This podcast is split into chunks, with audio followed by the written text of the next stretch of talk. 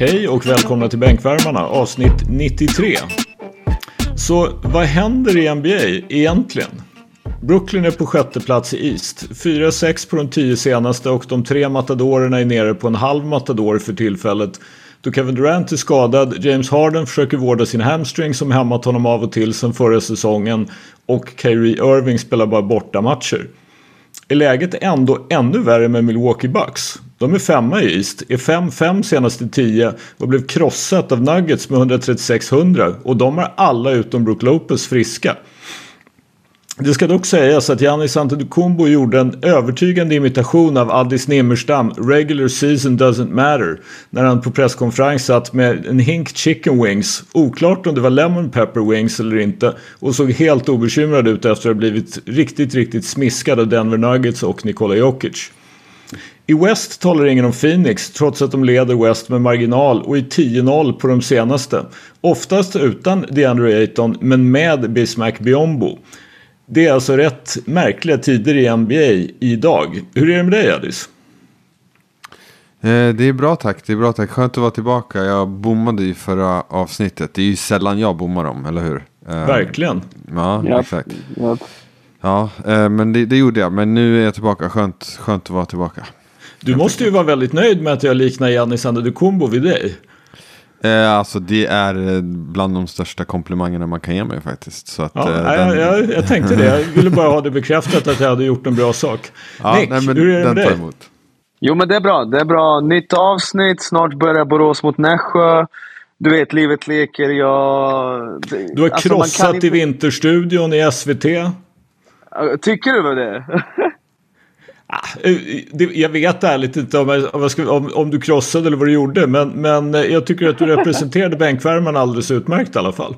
Ja, ja men det är bra. Det är bra. Nej men uh, måndag, perfekt. Kan inte bli bättre. Let's do this. Mm. Henrik Johansson, hur är det med dig? Bara bra. Det är ju kul att vara tillbaka efter missa en vecka eh, igen. Känns mm. som det blir mm. lite många nu som jag missat känner jag. Men, Nej, eh, jag, alltså, jag och Nick vet ju inte riktigt hur skönt vi tycker att det är att ni är tillbaka. Vi fick ju pladdra fritt mer eller mindre i förra avsnittet när vi hade Flu Game. Det var ju inte helt fel, men, men vi är ändå ja. faktiskt glada att ni är tillbaka.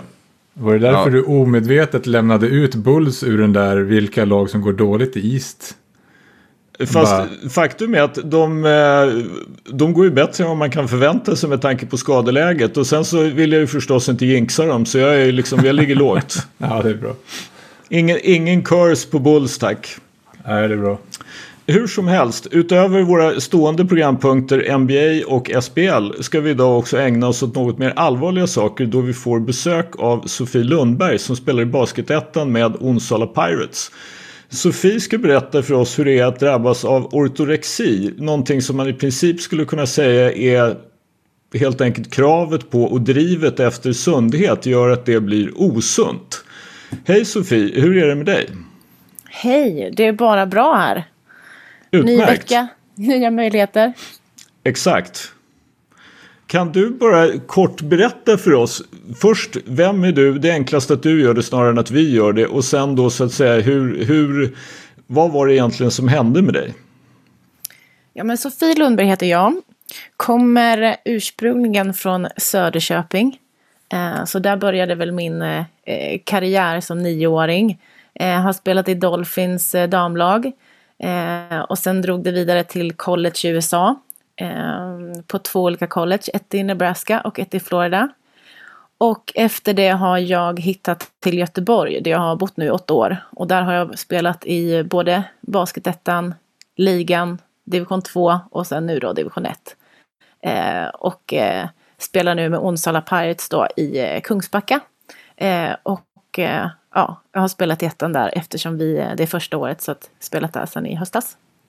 Jag måste bara säga Söderköping. De flesta av oss har ju passerat Söderköping någon gång och ibland fastnat i kö och någon gång ibland ätit glass. Men jag måste bara passa på att göra en shout-out till den enda person jag vet som kommer ifrån Söderköping utöver du då, och det är författaren Joakim Sander som är Boston Celtics-fanatiker och kan behöva lite uppmuntran i dessa dagar. För även Boston Celtics är väl lite sådär i East just nu. Varsågod och fortsätt. Ortorexi alltså. Bra inhopp där. Eh, ja, Och det som eh, jag då har valt att dela nu eh, är att jag har eh, haft en problematik då som kallas ortorexi. Eh, som är då en ätstörning där man eh, strävar efter att vara så hälsosam som möjligt så att det liksom tippar över och blir ohälsosamt.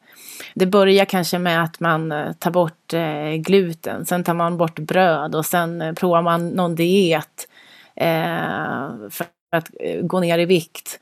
Eh, och så plockar man bort bara mer och mer och ökar träningen och till slut så Eh, så sitter man fast mer eller mindre. Och för mig började det med att jag skulle göra en, en eller jag skulle deffa. Eh, vilket betyder att du, eh, du eh, tar bort så mycket kalorier som möjligt. Men du har kvar proteinintaget för att få eh, synligare muskler. Så att eh, du vill få så låg fettprocent som möjligt. Eh, och det här gör man ju vanligtvis kanske några veckor eller någon månad eller så och för att sen gå tillbaka då till vanliga matvanor. Men eh, jag blev liksom fast i den här kicken och eh, kom inte ur det. Så är, kan man säga att ortorexi på sätt och vis alltså är, är det primärt då en ätstörning in, in, liksom, eller är det även någonting annat? Alltså, alltså motsvarande typ anorexi?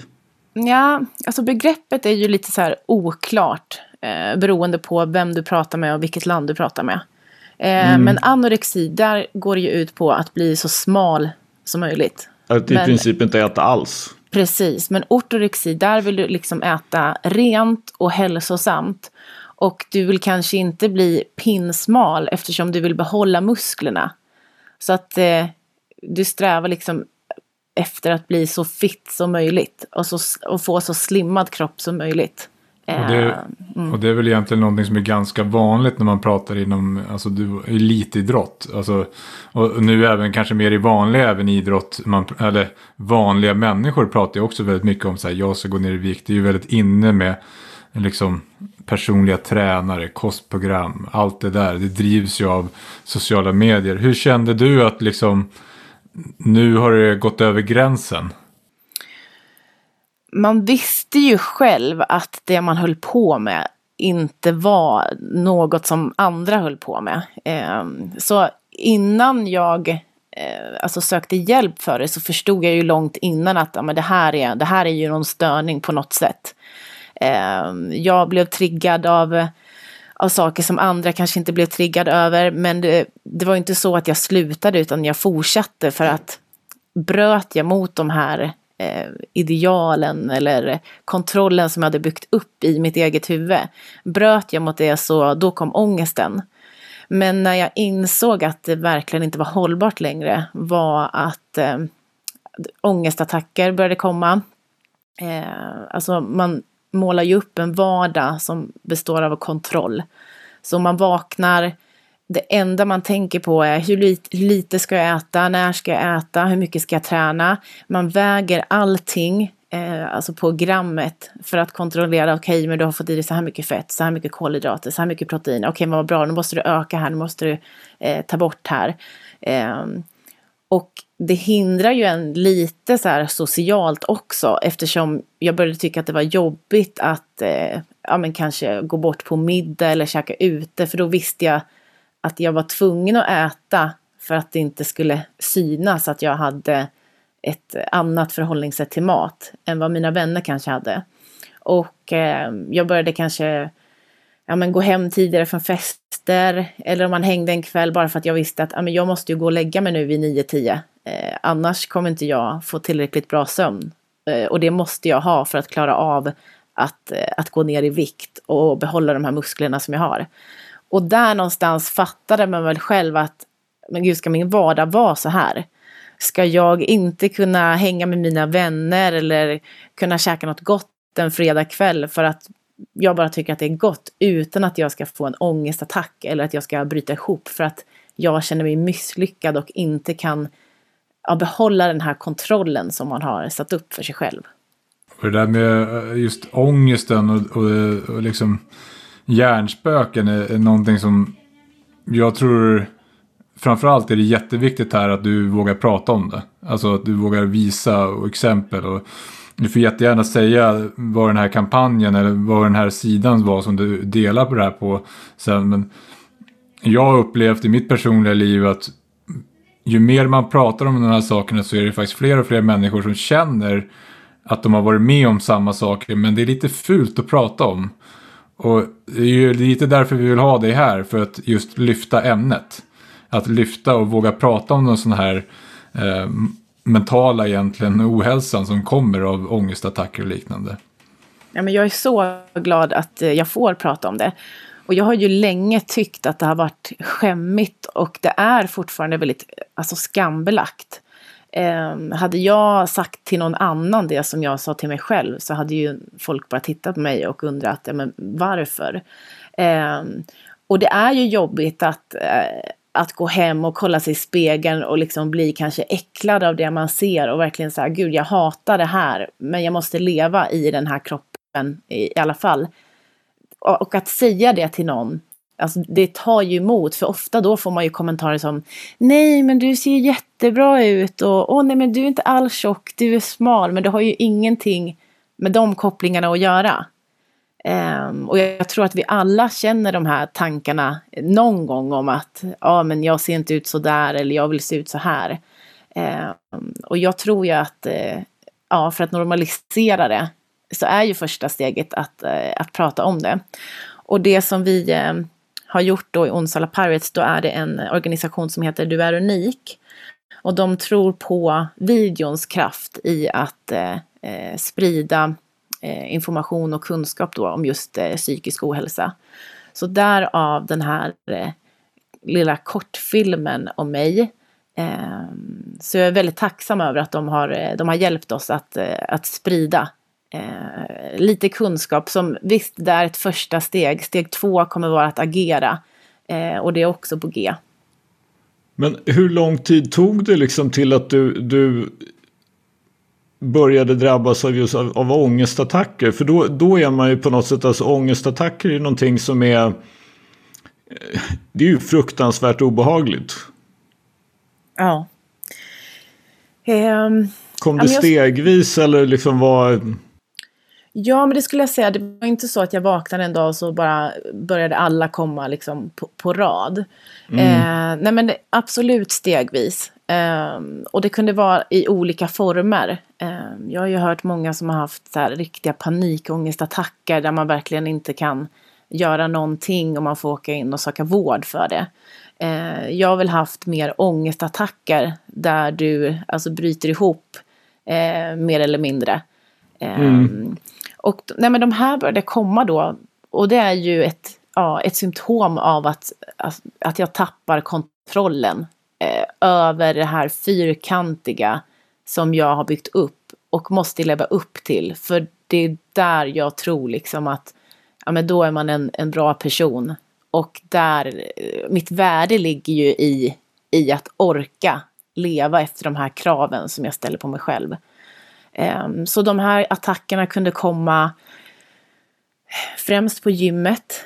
Eh, alltså om man tränade i speglar, såg sig själv och så var man inte nöjd med det man såg. Där kunde det komma.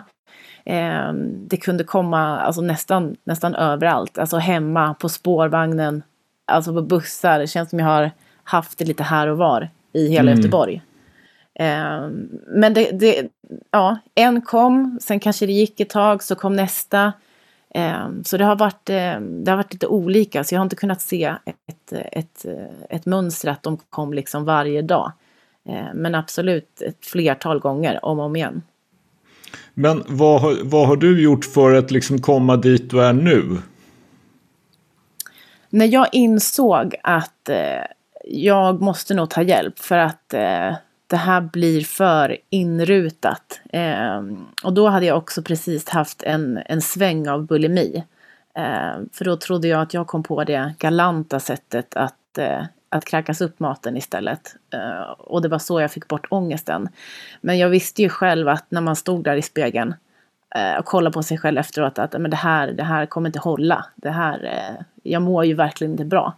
Mm. Så jag sökte till en bulimimottagning här i Göteborg. Eh, men fick eh, svaret då på att jag inte uppfyllde kraven eh, utan vidare hänvisning. Och det var också så här, det var ju väldigt kämpigt att, att erkänna för sig själv att men, oj, jag måste verkligen söka hjälp. Och så får man ett, ett nej. Eh, som du behöver då. inte hjälp. Precis, och då kände jag så här, mm. men hur mycket ska jag, liksom, hur mycket värre ska jag må eller hur mycket mer måste jag kräkas för att jag ska få komma in och få hjälp? Det var ju de tankarna eh, som mm. kom. Sen eh, googlade jag på det eh, och hittade något så här självtest där jag hittade eh, en linje man kunde ringa in. Och där började min hjälp första gången. Ehm, sen gick jag även till vårdcentralen, eh, fick pratade med en samtalsterapeut där. Fick även gå i några så klasser om kroppskännedom.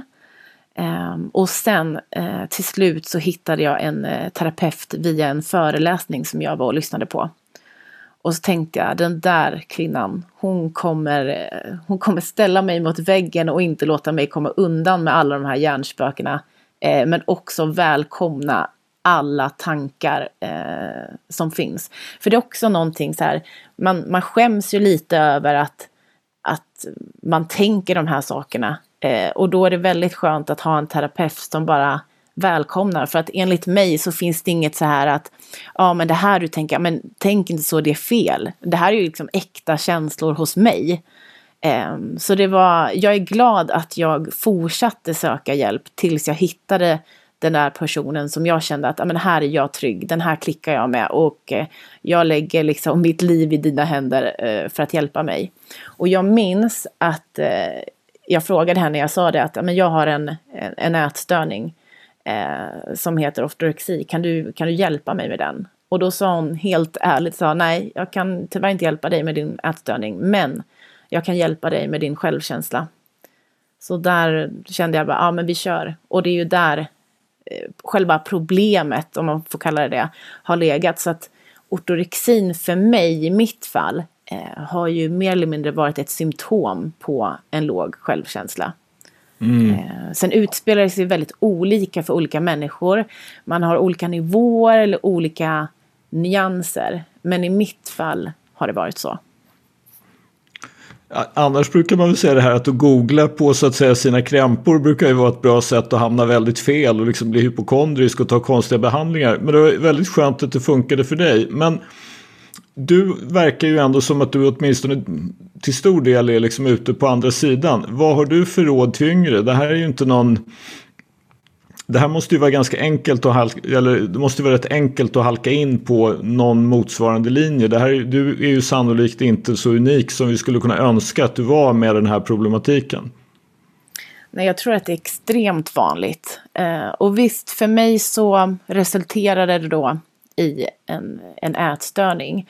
Eh, vissa kommer inte dit, tack och lov. Eh, men för mig så ser det som att ja, men har du ångest eller känner du att man inte har släppt känslor kanske från sin uppväxt, alltså att man tar med sig dem in i sitt eh, vuxna liv, så är det ju fortfarande någonting som hämmar dig från att vara liksom helt fri.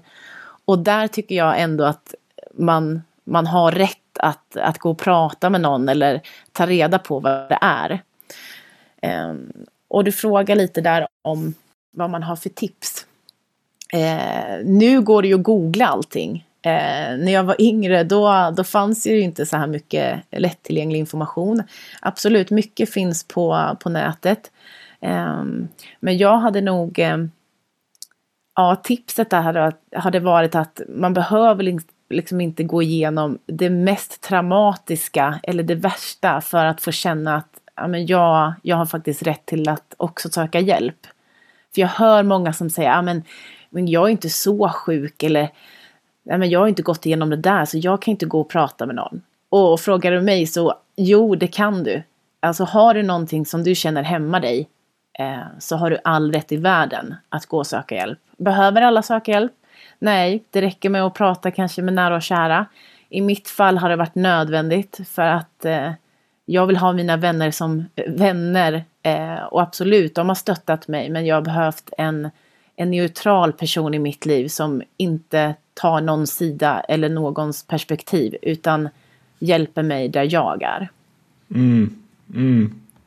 Sofie, jag har en fråga. Ja.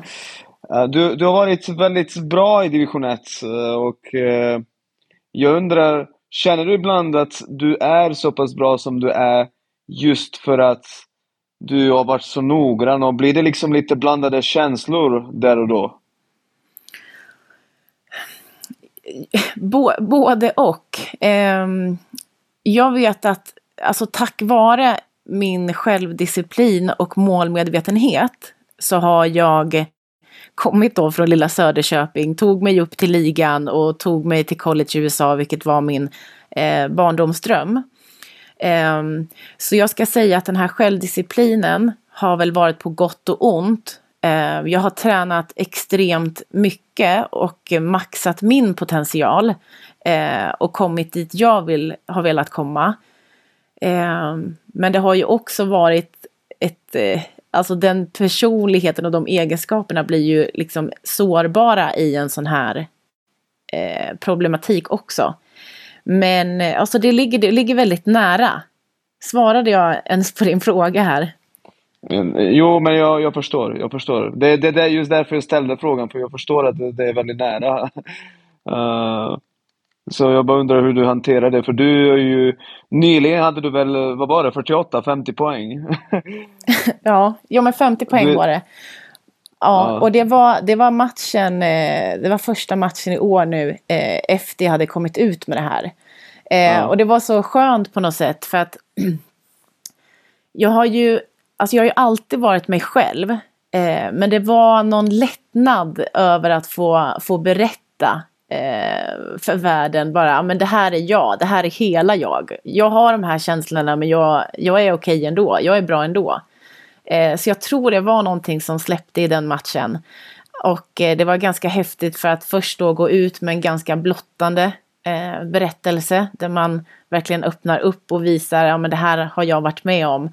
Och så var det så skönt att kunna bara köra på på planen och inte låta det eh, ta över fokus över, över prestationen.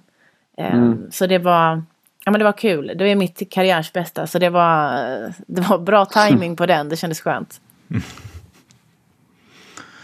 Sofie, tack så mycket för att du var med i Bänkvärmarna och tack för att du berättar om det här och hjälper till så att fler vågar berätta och fler vågar prata om, och det behöver inte bara vara ortorexi utan det kan ju vara vi möter ju alla olika problem som vi behöver hitta en lösning på och ibland är det svårare än annars. Men att börja våga erkänna att de finns och att det är problem och inte utmaningar eller någonting som man liksom måste lösa själv utan att det faktiskt är problem man behöver hjälp med och att man kan prata om det tror i alla fall vi är en bra start. Tack så mycket för att du var med oss.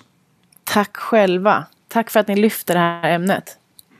Så vi tackar alltså Sofie Lundberg och till dig som lyssnar, var inte rädd för att prata om om du eventuellt har problem och framförallt om någon pratar med dig, var väldigt, väldigt noggrann med att lyssna och göra det med öppet sinne så att du också kan bidra till att fler folk mår, fler människor mår bra. Nu återgår vi till kärnverksamheten och vi börjar i NBA där Addis Nimmerstam har plockat upp ett och annat. Ja, precis. Det har ju gått egentligen två veckor sedan jag fick prata NBA då. Men eh, senaste veckan har det hänt lite små saker som jag tänkte bolla med då. Eh, dels så nåddes jag av, häromdagen var det faktiskt, i helgen typ, av nyheten att eh, Domantas Sabonis då häromdagen passerade Arvidas Sabonis i totala NBA-poäng. Vad får det er att känna? Exakt ingenting. Ingenting. Jag, jag påminns ju bara om att det är faktiskt väldigt, väldigt synd att den Sabonis vi fick se i NBA var ju inte den Sabonis som, som hade dominerat totalt i liksom europeiska sammanhang och i internationella mästerskap. Det var exakt det jag kände. Ja, Fy fan vad exakt. trist. Alltså så här att farsan blir passerad av den här, okej okay, jag tänkte säga medelmåttan, det är han ju inte, han är ju helt okej, okay, men ni fattar. Men när han är overall Han är, ja, jo, han är ju vet. otrolig. Jo men vad, Otroligt, vad, vad, var Arvidas? 31, 30 när han kom ja, in? 31. Alltså, och mm. pajade hälsenor, tjock typ. Mm, uh, men ändå, alltså var han ju en av, han var ju en bra, alltså han var ju ah, bra. Ja, ja. Gud ja, det var han. Alltså var hade han spelat på sin peak. Man har ju bara sett de här grumliga Sovjetbilderna. Ja, exakt. exakt. Och alltså, grejen är att han, eh, även hans NBA-siffror, om man kollar så här per minut, han var ju jätte, jätteduktig per minut, han, mm, farsan, fortfarande. Det är bara det att han, han, han hade ju andra problem liksom som gjorde att det var svårt för honom. Ja, men, men, faktum ja. är att jag såg ju honom i EM 95 live. Alltså då Klart precis då innan han gick till, eh, till Portland. Ja. Och ja, då pratade jag lite grann med folk som hade sett honom tidigare live i mästerskap och sådär. De sa att ja, han är ju grymt bra fortfarande, men liksom för ett par, tre år sedan så var han ju helt ohejdbar. Alltså på något sätt så var ju faktiskt Sabonis hans liksom sätt att spela är ju inte direkt olikt Nikola Jokic i någon mening när han var som absolut bäst. Uh, han var stor men en grym passningsspelare. Ja, fattar. Men var inte bara en jävla beast? Alltså han kunde ju liksom Jo, jo, han, alltså, han var ju sinnessjukt stor också. Alltså han kunde ju dominera ja. alla delar av spelet. Men han, var väl, han var väl ja. ungefär som Porzingis fast mycket bitigare. Ja. Jättebra försvarare också. Det var han ju i NBA också. Han är mm. ju en, jag mm. tror han har några all defensive teams. Men i alla fall, eh, det ledde mig då på en, eh, vad kallar vi det, kaninhål? Är det det vi brukar kalla det? Ja. Eh, ja. och ner i det och då eh, är det två personer, eller två personer från Litauen som har gjort fler poäng än Domantas Sabonis nu. Vilka har gjort fler poäng i NBA? Från Litauen. Den ena måste ju vara Marsulionis. Ja, Marsulionis tänkte Valanciunas måste vara en. Ja, de okay. två. Och, Val och Marsulionis. Nej, vänta, vänta, vänta. Jag ser, jag ser Valanciunas och Linas Kleisa.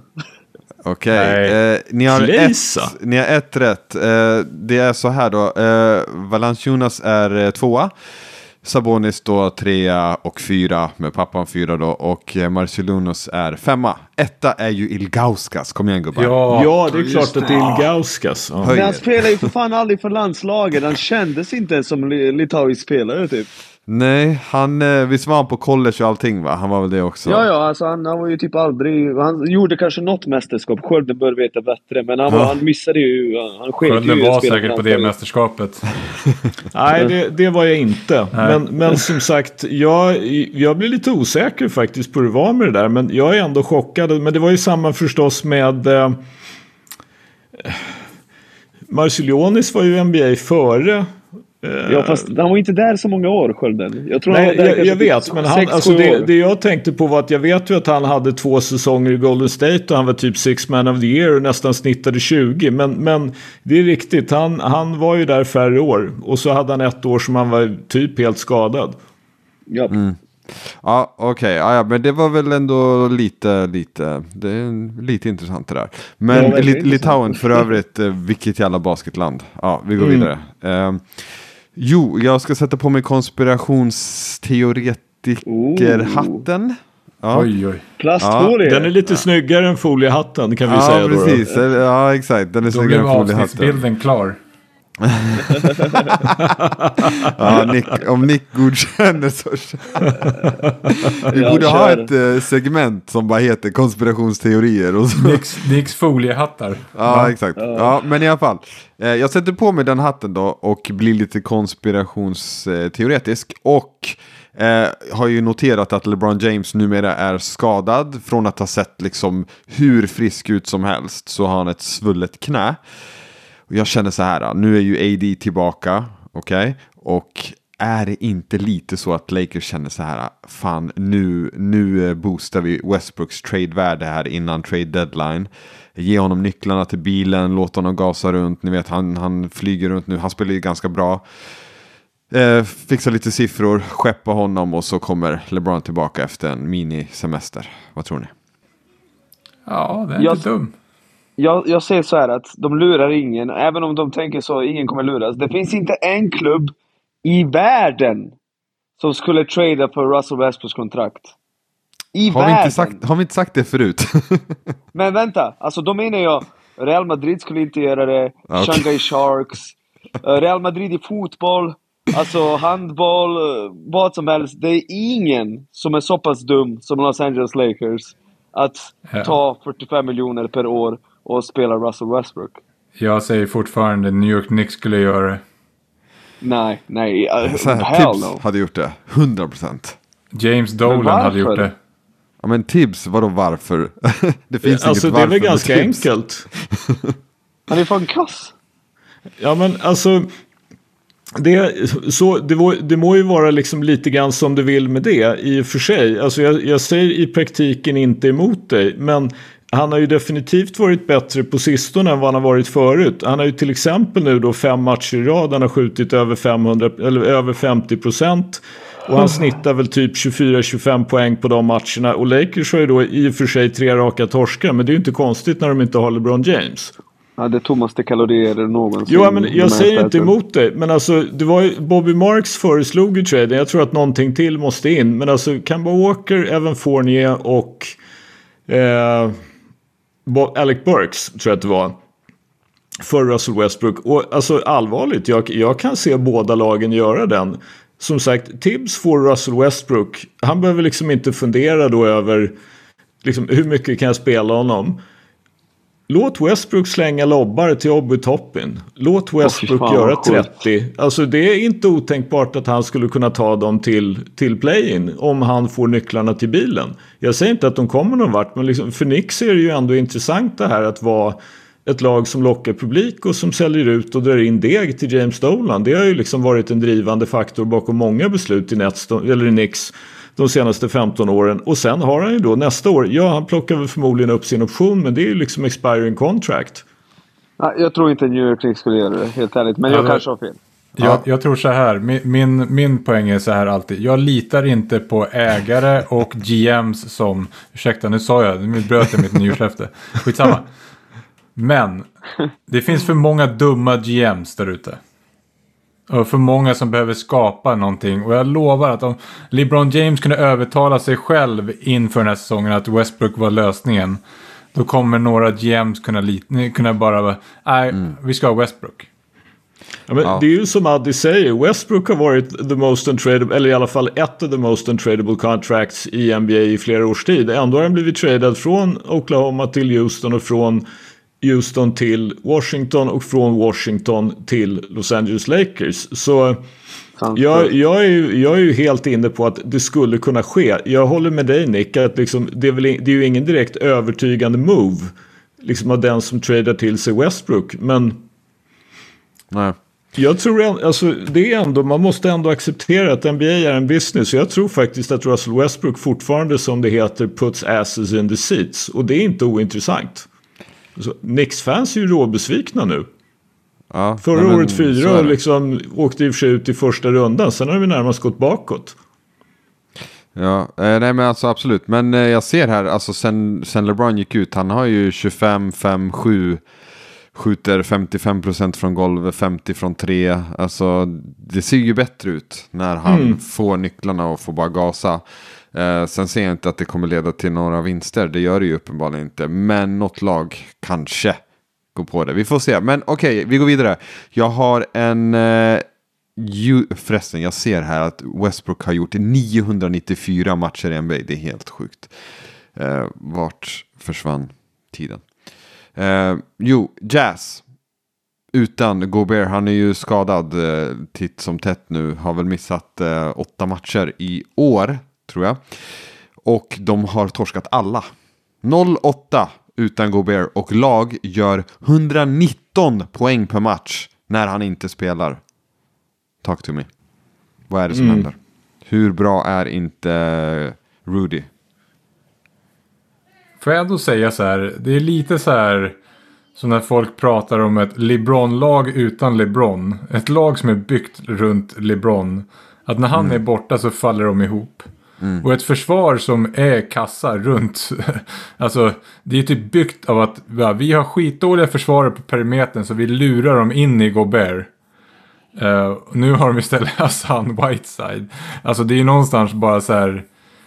Det är ju, det, det, det ser inte bra ut. Men Gobert är grym. Alltså han får ju för lite respekt. Han, vad var, han? var, fick nionde mest eh, eh, liksom fanröster eh, på frontcourt. Och han borde typ startat. Det är ju liksom, han får för lite respekt. Mm. Nej, alltså jag håller med. Det är ju lite sådär såklart. De bygger hela deras försvar på, på att han är där. Men det, jag tycker ändå det är lite anmärkningsvärt att man har torskat alla åtta matcher utan honom. Eh, och eh, lagar 120 poäng på dem. Ett, ett par av de matcherna har i och för sig varit utan Donovan Mitchell. Men det som ju kan sägas om det är ju att Utah är fortfarande etta i offensive rating utan Gobert. Men de är fjortonde i defensive rating. Så, och så lågt har de ju i princip aldrig legat med Rudy Gobert i laget. Nej. Nej, så är det. Vad jag, vad jag kan påminna mig. Alltså sen han så att säga visade att vad han är kapabel till som spelare. Och hur du kan bygga laget. Nej, men Och absolut. nu är de ju bara fyra i West dessutom. Ja. Fyra i West, de tappar. Men Och, samtidigt. alltså de, de ja. har ju tappat mycket. De är ju way efter Memphis. Memphis är 35-17 och Utah är 30-21. Får, Nej, får jag ta absolut. ett ämne där mitt i alltihopa som kopplar lite till det du säger nu Skölden?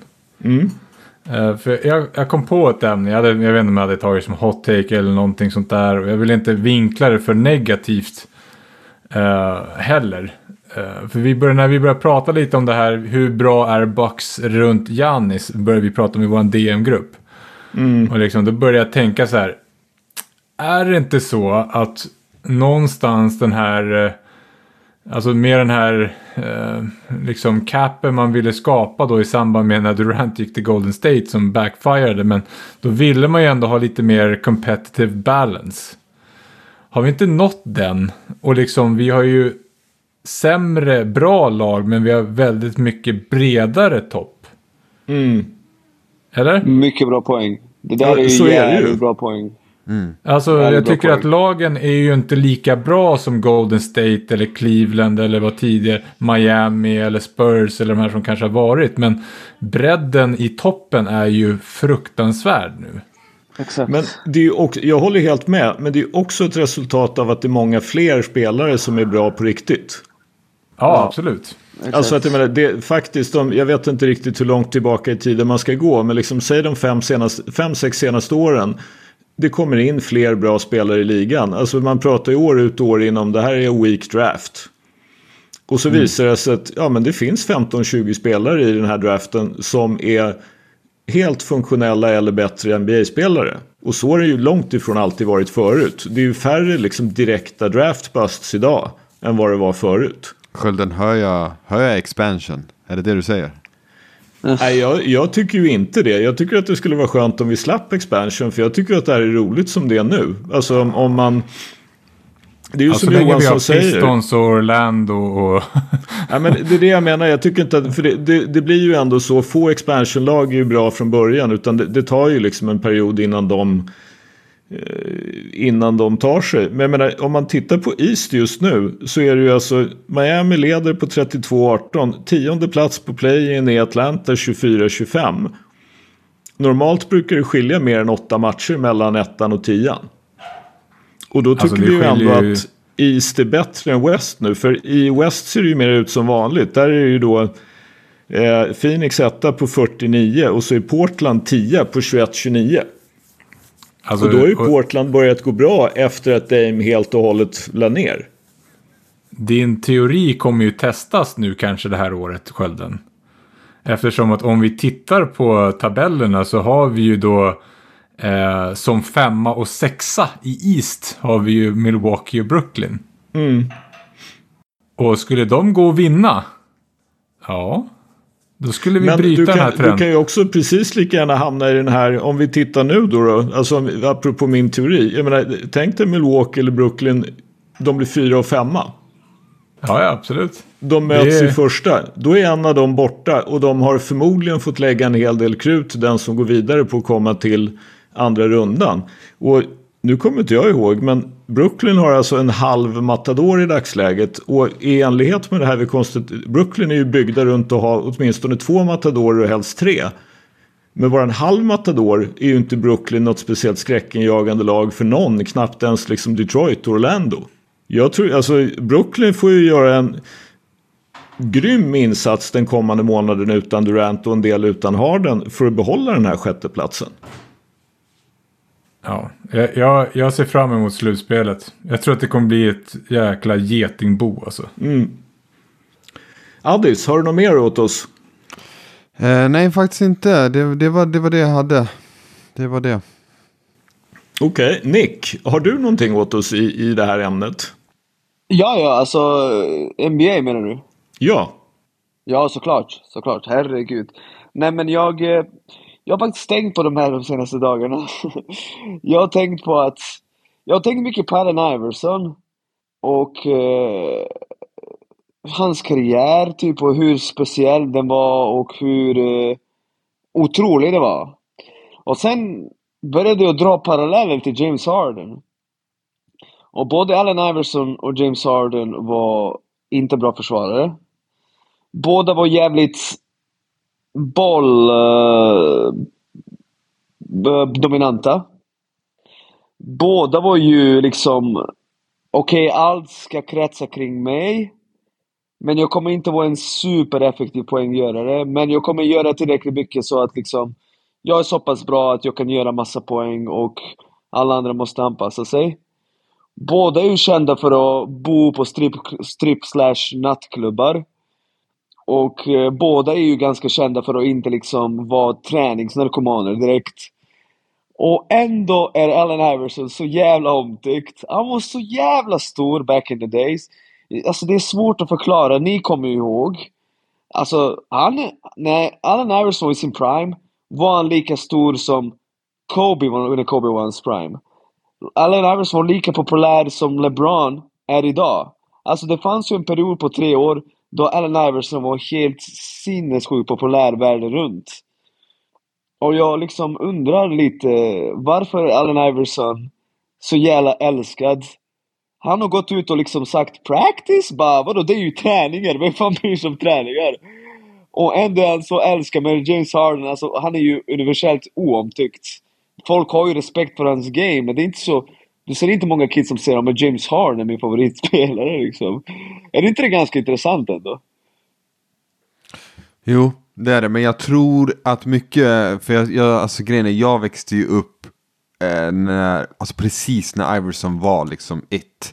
Eh, Samma här, och, samma här. Ja, och du vet, alltså, all, han var typ allas favoritspelare, jag hade hans linne, allt det där, allt det där. Jag tror att mycket har att göra med också liksom hans eh, person.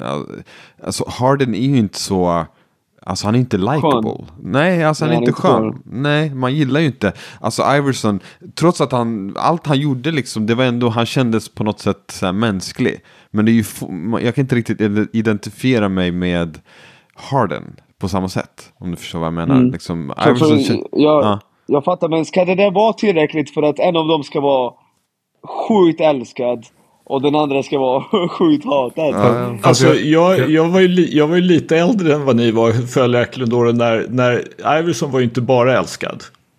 Nej, alltså såklart. Och, såklart. och det var väl det som gjorde, liksom, tror jag, lite grann skapade den här... De som älskade honom älskade honom ännu mer och det faktum att han var så älskad fick ju de som inte älskade honom att eh, älska honom ännu mindre. Han var ju Mm. Ja, polariserande. jag, jag, jag, jag, jag kommer ihåg att han hade hur många kritiker som helst, men hans linne var ju mest sålda i hela världen. Alltså han var ju så sinnessjukt populär. Mm. Det var ju, han var ju ett fenomen.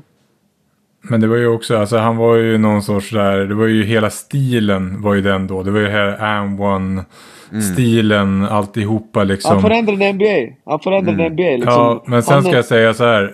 Allen Iverson kändes som att han slet arslet av sig. Alltså, sprang runt alla screens, slängde sig Precis. på golvet. Alltså gjorde allt för att vinna. Och ta mig fan, alltså han Mm. skulle ju dött där ute. Man såg så här bilder på alla skador han hade och att han slängde Ja. sig, Mm. ramla, slogs ner.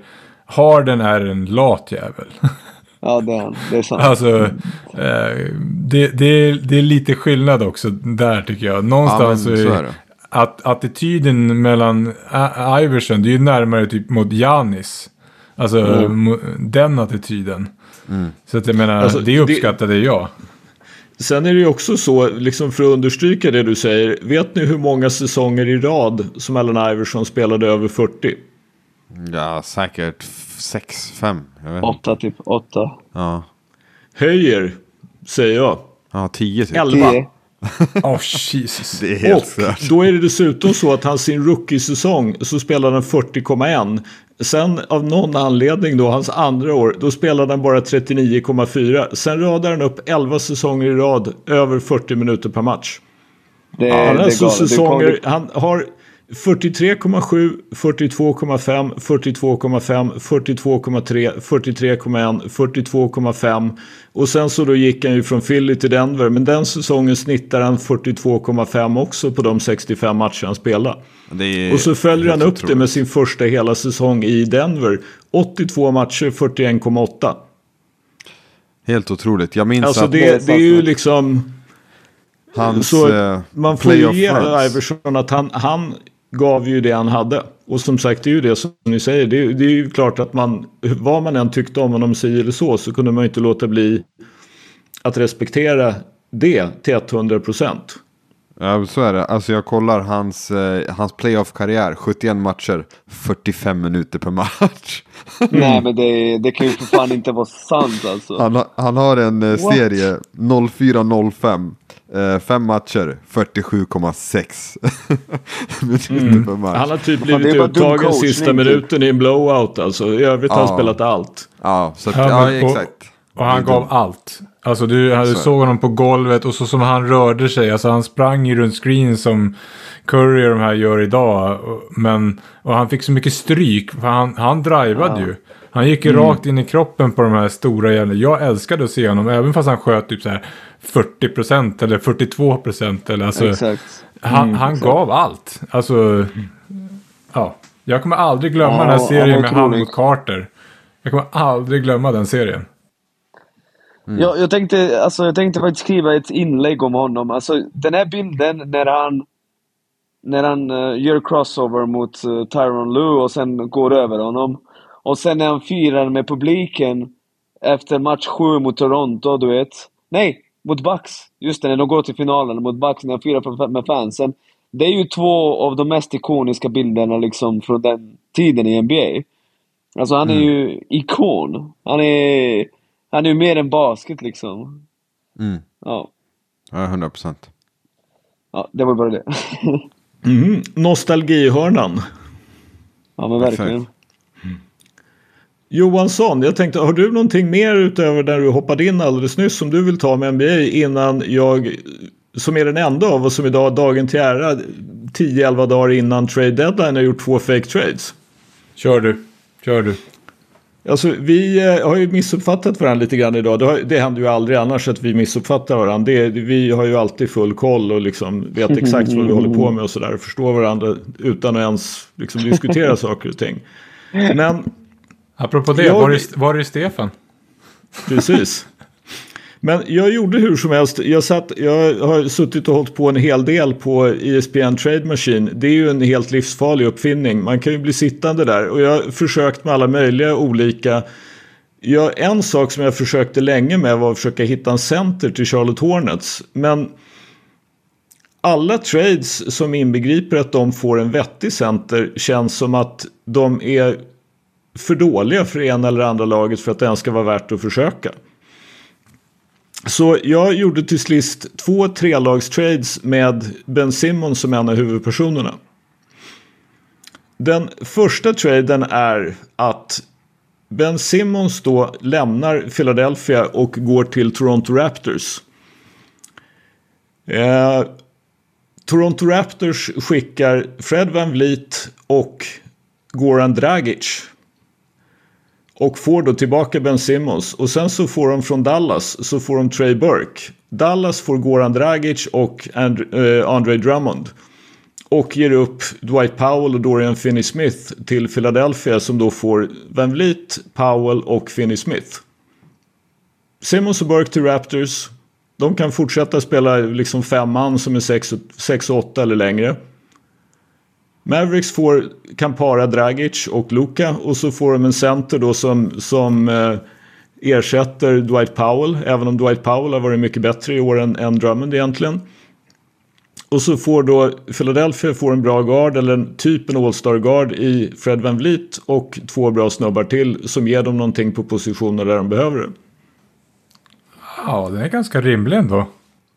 Alltså, ska jag vara helt ärlig så det, det jag ser som tvek lite grann det är ju att, att Dallas ger ju upp en hel del för att få Goran Dragic och det är väl kanske tveksamt om de gör. Men jag, jag tänkte lite grann att de skickar alltså ut en hel del lön och får tillbaka, liksom de blir av med lön. Och slipper fundera på att ge Dorian Finney-Smith en kontraktsförlängning och kan fundera mer över hur de ska bygga laget nästa år. Jag, även om de har varit bra på sistone så tror jag fortfarande att det blir svårt för dem att vinna en titel som de är konstruerade nu. Och Finney Smith är ju en sån som de måste ge någon, ett, en kontraktsförlängning och Jalen Brunson är detsamma. Och då är frågan, liksom, vill de verkligen göra det? Hur långt kommer de då? Ja, Medan alltså, då Philly får sin, vad, de, vad nu Van Vliet är för något, om han är topp 20 eller topp 30 eller 40 och på en position de behöver det och lite socker. Och Toronto Raptors får då som sagt Ben Simmons som ju då passar in i den här teorin att vi ska aldrig ha någon som är liten på plan och ingen ska kunna göra mål på oss någonsin. ja, alltså jag tror Dallas kanske inte som du säger. Eh, men jag gillar eh, Fred eh, Van Vliet på Philly. Den gillar jag. Jag tror han skulle passa hur bra som helst. Säg var han inte skulle passa bra egentligen, men ja. Ja, exakt, exakt. Det är ju sant. Han passar ju överallt. Men det är ju den bra. typen av roll de behöver. En, en, en ballhandling.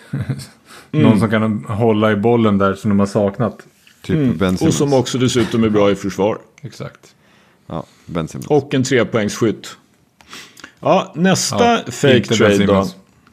Även den inkluderar Simmons. Då är det de tre lagen som är involverade är Indiana Pacers, Boston Celtics och Philadelphia 76ers.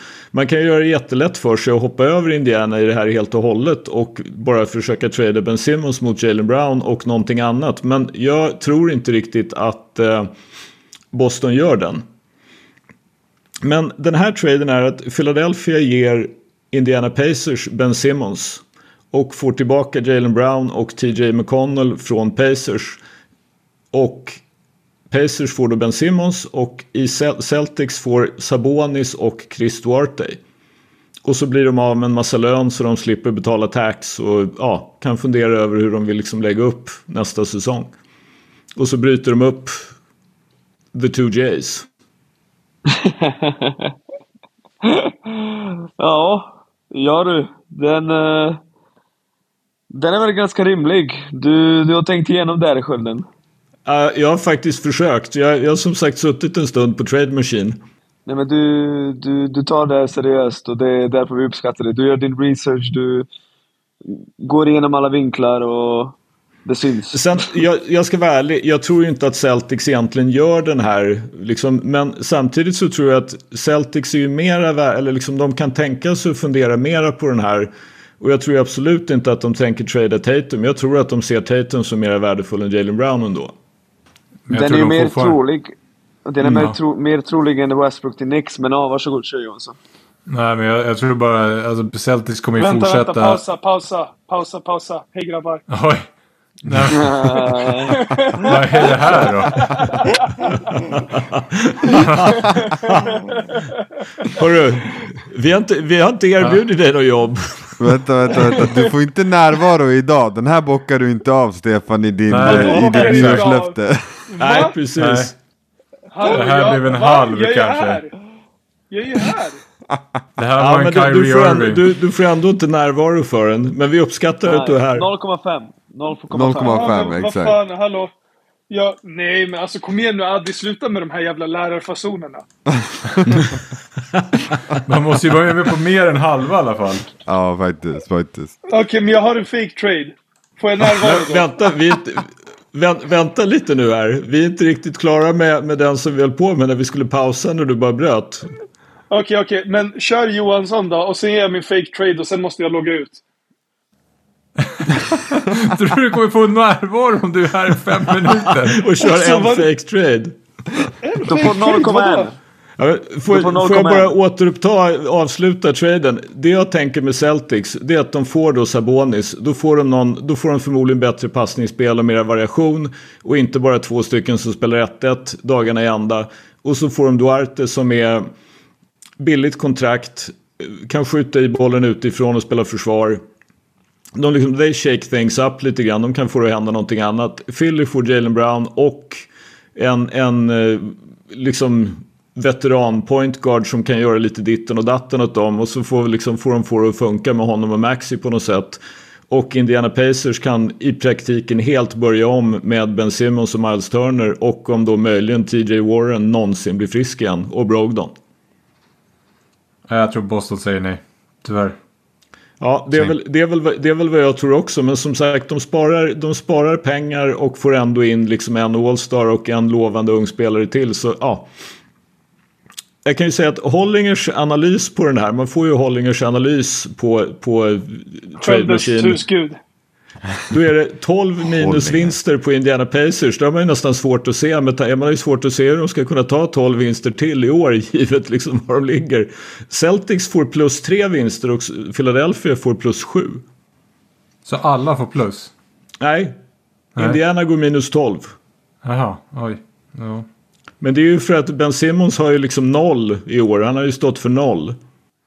Ja, Stefan. Kör. Alltså jag har ingen fake trade. Jag ville bara bullshitta lite. säg, säg, säg, säg vad du har på dina tankar. Bara säg vad du vill. Ja, berätta. Alltså, ja, så här.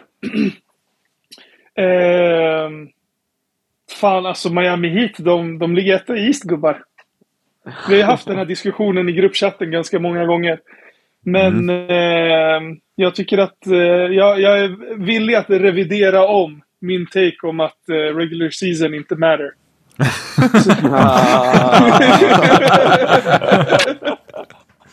så, så jag är, jag är team Skölden här. Det är jag och han mot resten av världen. Well, welcome allihopa. to the dark side. Va? Det var, det var ju jag Skölden. Det var jag Skölden Ja men då är det jag, jag, Nico Sköld. Det är jag, SVT-experten och, eh, och Skölden. Eh, ja, du, du lämnar inte mig va? Nej, nej, nej. nej. Adis, nej, du och jag. Nej. Det är Uppsala-klanen mot resten. Exakt. Ja, exakt. Fy fan. Nej, men det är årsmöte snart. Akademikerna, det är årsmöte snart. För Svenska Basketbollförbundet och vi alla minns ju hur det gick sist. Uff, uff, uff. Kan ni fatta att det är nästan, alltså att det är två år sedan? Mm. Ja, har, ni, har, ni, har ni nominerat mig till valberedningen? Ja, ja, ja. Gud ja. För länge Shit sedan. vad du snackar skit. Ja. men, men Stefan, berätta för världen. Du, du vill vara med i förbundets styrelse. Ja, alltså... Eller i alla fall valberedningen. Nej, men alltså så här. Jag, jag vill uppa mitt engagemang lite grann. Och eh, jag förstår att det finns vissa frågetecken som behöver rätas ut. Eh, dels liksom eh, min, eh, min eh, roll i den här podden, kanske lite grann hur jag uttrycker mig och allt sånt där. Men när allt kommer omkring så är jag tillsammans med er en av Basket-Sveriges absolut största opinionsbildare. Så jag menar, skulle man inte vilja ha en sån människa i, i en förbundsstyrelse? Jo. Och sen så har jag en massa andra kvaliteter också såklart. För att inte tala om kopplingen till politiken och det behövs ju också liksom. Ehm, så om det är någon från eh, Svenska Basketbollförbundets valberedning som sitter och lyssnar på det här. Jag, eh, jag finns här. Jag finns här, ni vet hur ni når mig. Twitter. Det är ju nu bara vi ska, vi ska ju samordna en kupp nu. Nu gäller det att prata med distrikten. Jag var ju med om det. Det var ju en kupp, vad var det, fyra år sedan? Ja, ah, det där vet du mer än vad jag gör. Ja, jag var ju där när de kuppade in eh, två killar. Jag kommer inte ihåg vilka det var. Men då, var det ju, då hade ju vissa förbund gått in och bara nu kör vi över valberedningens förslag. Nu, eh, så det är Fast bara är det verkligen kampanja. en kuppning? Är, är det verkligen en kuppning eller är det bara nyttjandet av ens demokratiska rätt? Jag vet inte. Alldeles det kanske för det många vi ska göra. människor. Alltså, ska vi använda ska den här? Vi, vi kan ju använda ja. podden till att uh, kampanja. Det kan vi faktiskt. Är det nu vi sjösätter? Det är inte bara valår, utan det är också Stefan 2K22. Stefan 2022, let's go. Okej. Okay. Jag, mm. kommer, jag kommer med en plan. Jag skickar den i vår chatt och sen så, sen så kör vi. Eh, kommande tio avsnitt kommer enbart att handla om min kandidatur till Svenska Basketbollförbundets styrelse. vi säger lugnt till det eftersom vi vet att du inte dyker upp hälften av dem. Kim, Kim Jong-Un Jovanovic. Ah, ah, nej, Kim Jong-Un är lite för mycket diktator, lite för mycket vänster för min smak. Oh. Mm. Ja, Ja, nej, här, men jag- härligt, härligt, härligt engagemang hur som helst. Tack så mycket. Eh, jag går ut på det gubbar. Eh, det här var ändå ah, nästan 10 minuter ändå. Det får väl ändå räknas som närvaro. Tack för att du blessar oss Stefan. Du är en hjälte. du är Tack en Stefan, hjälte. du är, en, du är en hjälte som eh, crashar oss. Det, Ja, det är bra att hålla oss vakna. Jag älskar er gubbar. Tillbaka till arbetet nu. Ta hand om er. Samma. Adios, ha det bra. Ha det Ciao. bra. Tja. Ciao. Eh, inga fake trades från Stefan heller. Är vi nöjda med dagens NBA och är redo Ja. för att släppa in Nick, Vinterstudions konung, Rajacic som SPL? oh, det är lite toj. Jag var ju med typ fem minuter, men... Uh, ja, SBL. Alltså det händer ju sjuka grejer as we speak. Luleå har vunnit sina matcher i damligan, i, förlåt, i SBL dam med i snitt 40 poäng, närmare 40 poäng. De ligger under i slutet av tredje perioden borta mot Vätterbygden. Det här kan bli årets skräll. Fy fan vad roligt det hade varit. Jag tror såklart att Luleå fixar det till slut, men shit! Vilken jävla överraskning det hade varit. Och sen eh, har vi ju uh, ligger Borås, åker upp till Nässjö och ligger under såklart stort. Alltså det är en fin tradition vi har i Borås här. När vi åker upp till Nässjö, då får vi dunderstryk. Och det är en tradition som man ska liksom omfamna och liksom in, inte skämmas för. Nässjö är ju liksom Uh, en McDonalds-fri stad som... Uh, uh, ja, de är ju liksom hard workers. Du, du vet när de pratar om de här städerna i USA, bara it's a hard working city, grit and grind. Det där är ju faktiskt Nässjö, grit and grind. Så ja, en ära för Borås Basket att få torska med 15 varje gång man åker upp dit. Uh, sen på söndag, jag vill pusha för den här matchen. Nässjö mot Jämtland. SVT ett, tror jag. Klockan tre. Eh, jag kommenterar. Sprid ordet är ni snälla. Vi måste få upp de här siffrorna. Alltså det är det som är grejen.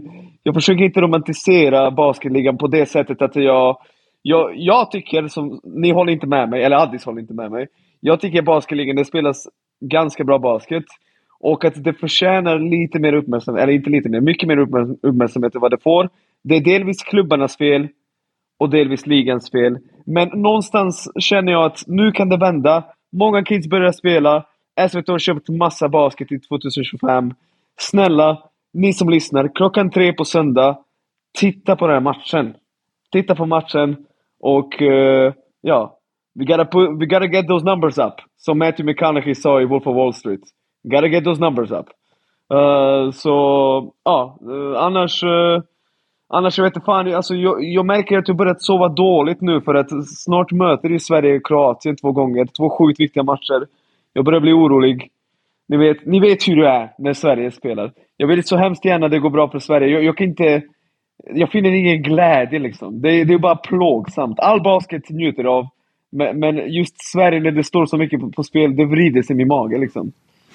Det kommer ju snart att släppas trupp. Har jag förstått det Japp. som. Japp. Jag minns Jag inte vilken det dag, men det, det, är, det är ju inte långt borta. Vi närmar oss ju faktiskt. Har, vi, har du hört något skvaller om Jonas Jerebko? Nej, inget- inget förutom att eh, han ska ju vara med liksom. Jag, han lägger upp lite My Stories när han tränar så... Jag räknar med att han är med om han inte får corona eller något liknande. Man vet ju aldrig. Men det skulle Mm. inte förvåna mig. Alltså, svensk basket har ju aldrig tur. När... Vi har så jävla mycket otur att det Har du är ingen ofattbart. curse nu? Nej, men det är det jag försöker reverse cursa den. Hör du Men, inte? men Nick, får jag ställa en, eh, en SPL-fråga? Japp. Jag som eh, följer det rätt ytligt nu för tiden då, jag noterar att varje gång jag, eh, inte varje gång kanske, men ofta när jag kollar resultat så är det bara massa blowouts. Eh, berätta, varför? Vad är det som händer? Det är bara för att du, du- följer, du följer bara Köping. Nej, alltså jag kollade, jag kollade, jag gick in på basketligan här och sen så Mm. kollade jag liksom, scrollade i det här lilla, den här uh, feeden där uppe. Mm, men där men du har rätt. Du har rätt. Du har rätt. Ja. Du har rätt. Och det, det beror på att eh, vissa lag eh, har ju liksom tagit fart som fan medan väldigt många har det otroligt tufft. Eh, men du, det är fan eh, bra noterat. Det stämmer ju. Och även, eh, det har funnits flera matcher där två lag som ska vara relativt jämna möts. Som exempelvis när Södertälje mötte Jämtland. Men så vann de ju liksom stort. Så det är väldigt många blowouts. Vad det beror på, som sagt, min åsikt är att det finns ju några lag som riktigt heter, medan några har det så jävla tufft just nu att Uh, ja, vi, exempelvis Köping eller Borås och så vidare. Uh, frysen. uh, så det är, det är mycket blowouts, men uh, du, mm. snart börjar slutspelet. Adam Ramstedt är tillbaka, ligan är ännu bättre nu. Addis, lovar du att titta på matchen på söndag? vilka är det som spelar? Nässjö mot Jämtland. Den är bra. Den är bra. Nej, Grid and grind. Jag kollar Grid bara grind, Norrköping, Jämtland, Luleå, kanske Tälje. Det är allt jag kan ratta. Borås? Nej. Tar du Södertälje före Borås? ja. Är du på riktigt? Ja, nej, nej. Alltså jag, så mycket av en fan är jag liksom att jag, jag stannar vid de lagen. Södertälje har typ 70 pers per match där. Folk vill inte dit. Ja, men... Och, och du vill se det... Tälje borta såklart. Tälje borta. Kom igen. Tälje borta. Finns ingen som gillar Tälje borta mer än Addis. Kom igen, det där var ju bara dålig karl.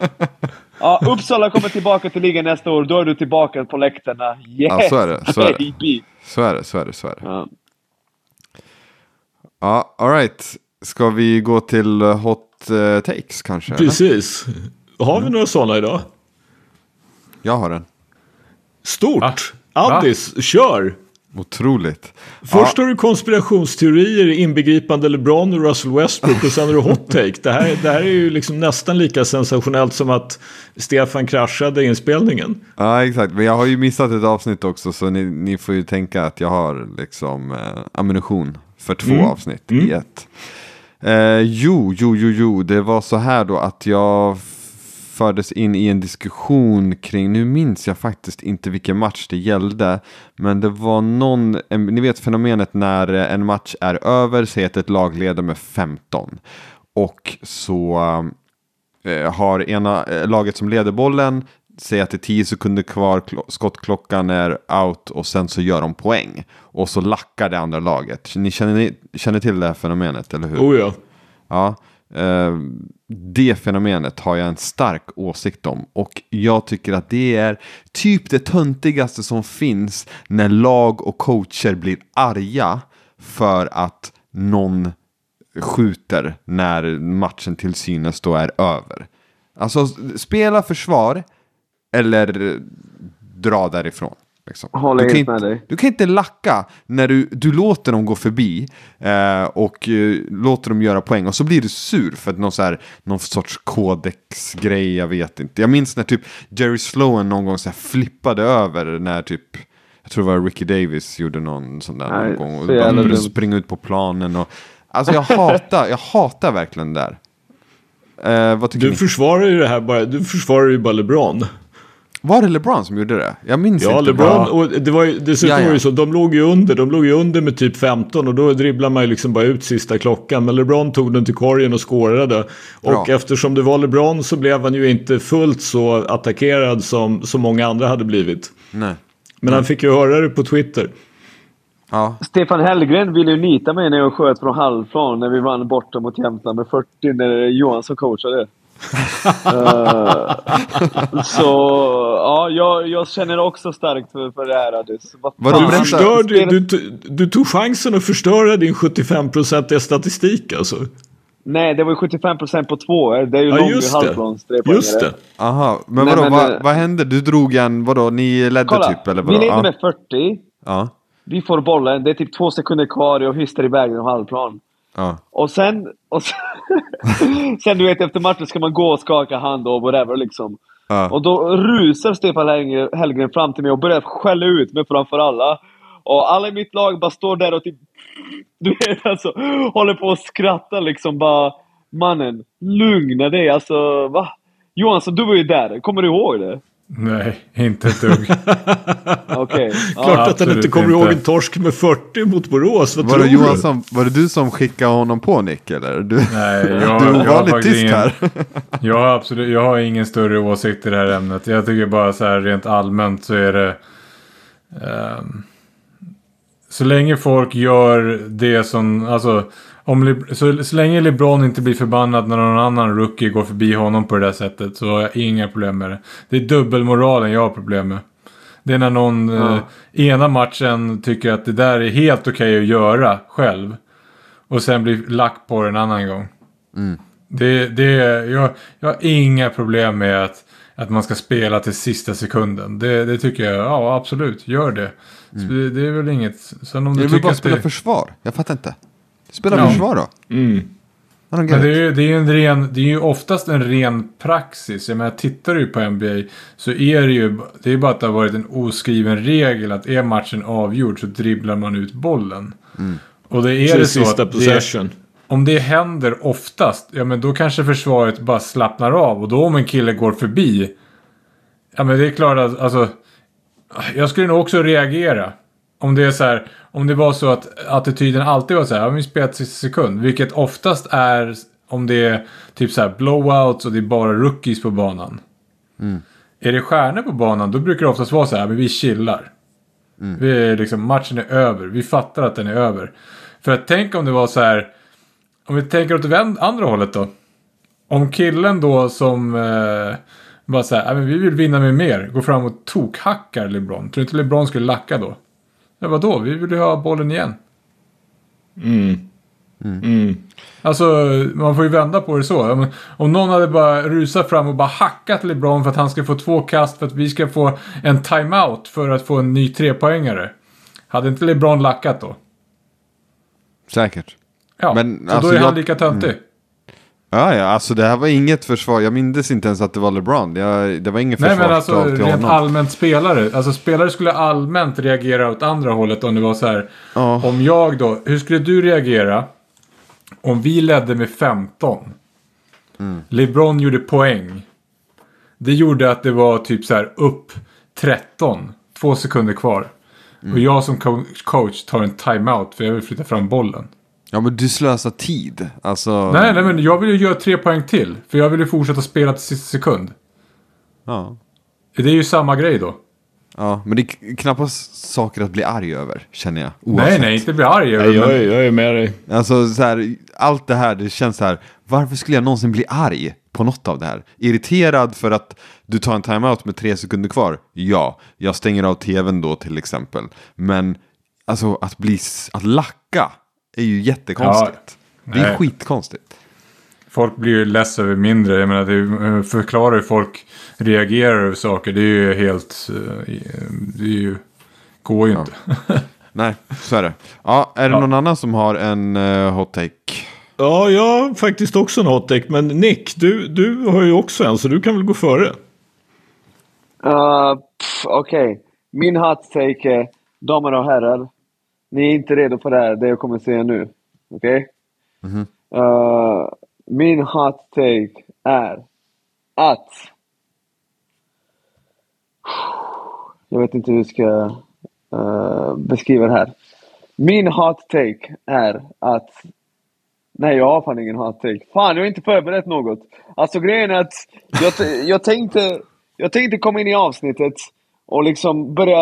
Du vet, ibland gör jag det. För jag har ju så jävla många olika tankar i mitt huvud och jag kan bara dra fram något. Men fucking Vättervik, den leder ju med fem poäng! Eh, jag, måste, jag måste fokusera på den här matchen. Grabbar, kan inte ni avsluta av- avsnittet? Alltså, måste roligt TV. TV-stjärnan tror att han kan glida in här nu. Vinterstudiostjärnan. Nej, det, det, det här var ju faktiskt ganska skrämmande Okej, måste okej, jag säga. okej, Ja, men- Ja. Men- men jag har- vänta. jag har ge mig, faktiskt- Ge mig, ge mig, ge mig, ge mig. Här, här har jag en hot take. Är ni redo? Så här är det. Förra året, Oklahoma City började typ vinna lite för många matcher för att liksom, eh, de ska känna sig bekväma i sin tanking. De bänkade de skickade hem Al Horford ganska tidigt och bara du, du behöver inte spela, kom inte till träningarna, vi ska betala dig. Uh, sen Shea Gilgis Alexander, de, de bara ah, man har ju någon jävla fantomskada, han kan inte spela. Och nu gör de exakt samma sak. Och min hatt take är, lyssna på det här grabbar. Min hot take är, det är dags att sluta draften en gång för alltid. Vi måste ju hitta ett... ah, fuck, jag tycker inte ens det här! Jo, du är på Nu min snor, sida! ju, nu snor ju Johanssons hot take. Yes! Ja, Bra jag- Nick! Jag vet, men, men grejen är att egentligen så tycker jag att ska du få... Och det finns 30 snubbar som spenderar hundratals miljoner dollar om året för att det här ska fungera. Och utan de här ägarna, får de inte det här hoppet, i alla fall falska hoppet, att de kan få en stjärna i nästa års draft. Du vet, NBA kommer gå under. Jag är fan ganska säker på det. Men samtidigt, det Oklahoma gör just nu är det ju för fan värre än uh, Sixers back in the days. Vad fan? Va, va, vad håller de på med? Det är ju, det är ju skitdåliga gubbar de kastar ut där. Alltså de anstränger sig för att förlora. På riktigt. De anstränger sig och det tycker jag är jävligt fel. Mm. Ja, det var ingen Oklahoma City. Tanker. Ja. Tack, Men jag, jag kan ta över då. Vi har, vi har ju pratat om det här med MVP och nu är jag inte ute efter att vi ska diskutera om regular season matters eller inte. Men Curry var ju i den här, det finns ju en amerikansk journalist som heter Tim Bontemp som är med i Brian Windors podd The Hoop Collective och han frågar ju då alla varje år så gör han helt enkelt en, ja typ en enkätundersökning mellan all, med alla som har rätt att rösta i MVP så frågar han, jag får mig två gånger om året Vadis. Yes. Han pratade nu senast om att han skulle göra en tredje gång bara för att MVP-racet är ganska intressant. Och första pollen då så ledde ju Curry stort. Sen dess har ju Curry skjutit sig ur det här racet och plötsligt har vi ju nu då Joel Embiids Philadelphia är trea i East. Det är ju liksom det, det räcker för att man ska kunna få en eh, för att du ska kunna bli MVP, tror jag. Att liksom då, då är ditt lag tillräckligt bra. Om du kommer trea i din conference, då, då kan du få MVP. Kommer du sämre än... Kommer du inte åtminstone fyra, då tror jag att det är kört. Jokic är femma nu. Och de har ju faktiskt eh, Utah inom räckhåll. Jag har bara gjort liksom typ senaste matcherna, det är inte riktigt senaste tio. Joel Embiid, 36 poäng, 12 returer, 5 assist, 2 stocks, 1,6 blockar och 0,4 steals. Han skjuter 54, 32 och 81. Jokic siffror. 28 poäng, 13 returer, 11 assist, 2,3 stocks, bara 0,4 blockar men 1,9 steals. Hans shooting splits 60, 45, 93. Jag tror att det är ett two-man race om MVP. Nikola Jokic mot Joel Embiid. Så länge Curry inte är med så är jag för jävla nöjd. Alltså det är ju klart att det finns ju, det finns ju vad är det, 32 matcher kvar så det är klart att det finns en möjlighet för någon att blanda sig i. Ah. Men alltså det här, de spelar just för tillfället på faktiskt en, en sinnessjukt hög nivå de två. Eh, Giannis kä- chillar och käkar chicken wings. Curry skj- skjuter inte tillräckligt bra även om Golden State fortfarande håller ihop det. Medan de här stoppar ju upp, alltså det är ju helt sjukt. Fatta hans shooting splits, Nikola Jokic. Och det är ju inte så att han skjuter lite eftersom han snittar 28 poäng. Och han Och båda en lagen går dessutom bra. Försvarare. Och han har blivit en helt duglig försvarare. Mm. Mm. Ja, jag är med där. Jag tycker att det handlar om de två med Janis lite precis bakom kanske. Mm. Ja, men han, han har ju definitivt chansen, liksom med tanke på att det är tid kvar. Men som sagt, Bucks är faktiskt inget speciellt bra just nu. De är 5-5 senaste 10. Men jag, jag pendlar nästan 7-3 dagligen nu. och Nuggets är 8-2. Och vi har ju pratat om vilket lag Nuggets har. Ja, alltså jag, jag pendlar dagligen mellan de här tre. Alltså Janis, Jokic och Embiid just nu. Så här, det är lite Mm. beroende på vem som har gjort vilken insats. För jag menar, ja, eh, det är Ja. fruktansvärt bra spelare alltså. Fan Ja, vilka håller, säsonger de håller med. Håller med. Embiid, fan vad bra han har varit. Jag kollar nu sista 20 matcherna. Han snittar 34 poäng. Mm. 10 returer, 4,5 assister. Två blockar. Alltså, ja, han har Alltså, varit Jokic helt på sina brutal. tio senaste har sex triple doubles och han snittar över sina tio senaste förstås en triple double. Så de matcherna han inte har en triple double är han ju inte speciellt långt ifrån. Och det här är ju inga tomma kalorier tripplar liksom. Eftersom de är 8-2. Och de Ja. inte har varken Michael Porter Jr. eller Jamal Murray. Mm. Giannis senaste 10 då, bara för att liksom ha en, någon, en jämförelse då. 31 pinnar, drygt 10 returer, nästan 6 assist. 52, 31, 78. Så Giannis har ju fått ordning på straffkasten måste man säga. Nej, men... eh, Det är lovande inför playoffs. Tre otroliga spelare. Lite intressant också, bara kort innan vi avslutar, att det är tre stora spelare. Exakt. Bland NBAs största. Värt, värt att ta med sig. Exakt. När man säger att centrar är liksom mindre värda än någonsin. Men det beror ju som vanligt på kvaliteten på centern. Så är det. Så är det. Ja, 83 minuter. Ska vi wrap it up? I'm good. I'm Ja. good. Tack för idag. Avsnitt 92. I 93. Jag sa 93, 92, 93. Avsnitt 93. Hej då. Ciao.